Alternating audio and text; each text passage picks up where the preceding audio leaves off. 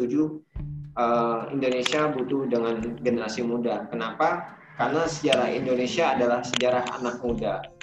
Karena anak muda lah yang memberikan uh, peristiwa yang signifikan. Yang pertama yaitu Sumpah Pemuda yang membuat kesadaran nasionalisme Nusantara sampai ke penjuru sehingga memantik pergerakan nasional meraih kemerdekaan. Yang kedua peristiwa Rengas Dengklok anak muda mendesak Presiden Soekarno untuk segera memproklamasikan kemerdekaan pada saat itu. Dan yang ketiga yaitu reformasi 98. Anak muda secara serentak bersatu bergerak dan berhasil menumbangkan sebuah era kepemimpinan dan membuahkan harapan-harapan baru.